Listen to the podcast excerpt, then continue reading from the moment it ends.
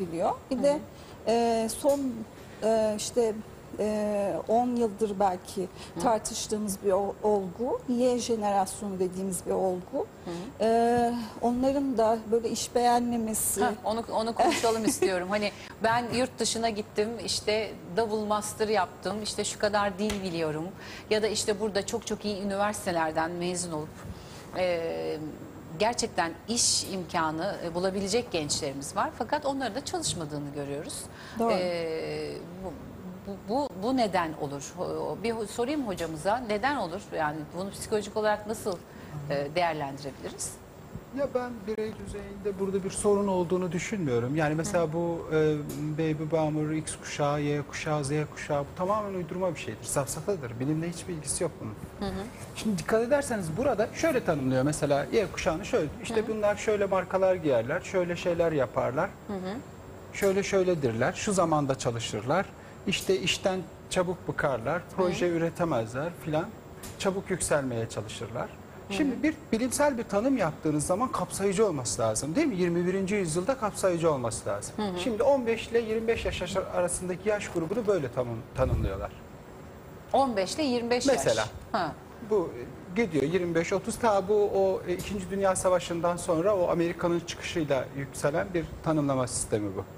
Şimdi peki şu anda 15 yaşıyla 25 yaş arasında Afganistan'da e, karnında çocuk taşıyan çocuklar, Suriye'de tarlada çalışan çocuklar, Doğu Anadolu'da çalışan çocuk bunlar hangi kuşağa giriyor? Evet. Hangi Böyle kuşağa saçma, giriyorlar böyle saçma sınıflama olabilir mi? Bunlar Dünyanın ekonomilere. Dünya nüfusunun üçte ikisini dışarıda bırakan bir sınıflama sistemi olabilir mi? Bu Evet. ne? Bu tüketiciye göre yapılmış bir sınıflama. Tüketenler sadece insan yerine konuyor yani.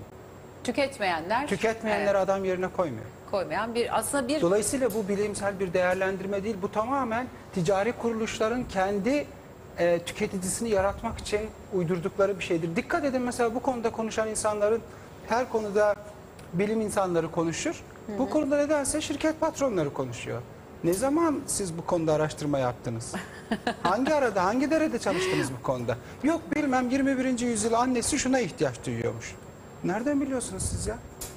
Bu 21. dikkat yüzyıl ederseniz tüketiciye göre tanımlanmış bir şeydir. Çok dikkatli olmak gerekiyor burada. Pardon sözünüzü Değil mi? kestim. Yani e, şey diyebiliyor muyuz? Aslında yapılan araştırmaların e, kendi içerisinde yani ülkeler bazında baktığımızda yapılması ve ülkelerin ihtiyacı doğrultusunda yapılması mı gerekir?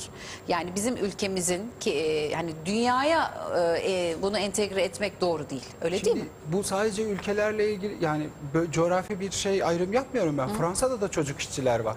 Değil mi? Fransa'da da ka- e, şey e, göçmenler var. Cezayirliler, Tunuslular, Fransızlarla Evet, aynı sömürü, standartlarda. sömürüden çıkmış ülkelerin. Belli evet. bir gelir düzeyinin üzerindeki tüketici grubu için yapılmış bir sınıflama. Böyle bir bilimsel sınıflama olamaz. Bunun bilimselliği tartışmam bile ben.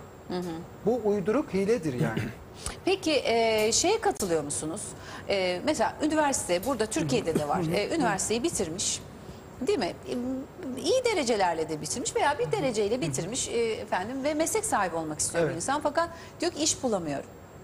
E, buna katılıyor musunuz? İnsan emeğinin karşılığının ödenmediği bir sistemde çalışıyoruz. Şimdi şöyle düşünün, yaklaşık ömrünün 10-12 yılını e, eğitimle geçirmiş, temel eğitimden sonra. Evet. Bir insan 2000 lira, 2500 lira maaşa çalıştırdığınızda yaklaşık 40 yaşında falan kendisini amorti ediyor. Böyle saçma bir sistem olur mu? O emeği ziyan edeceğime çalışmam yani. Çalışmam diyor Tebrik yani. ediyorum o kişiyi. Süpermiş. Vallahi bu güzel değil mi?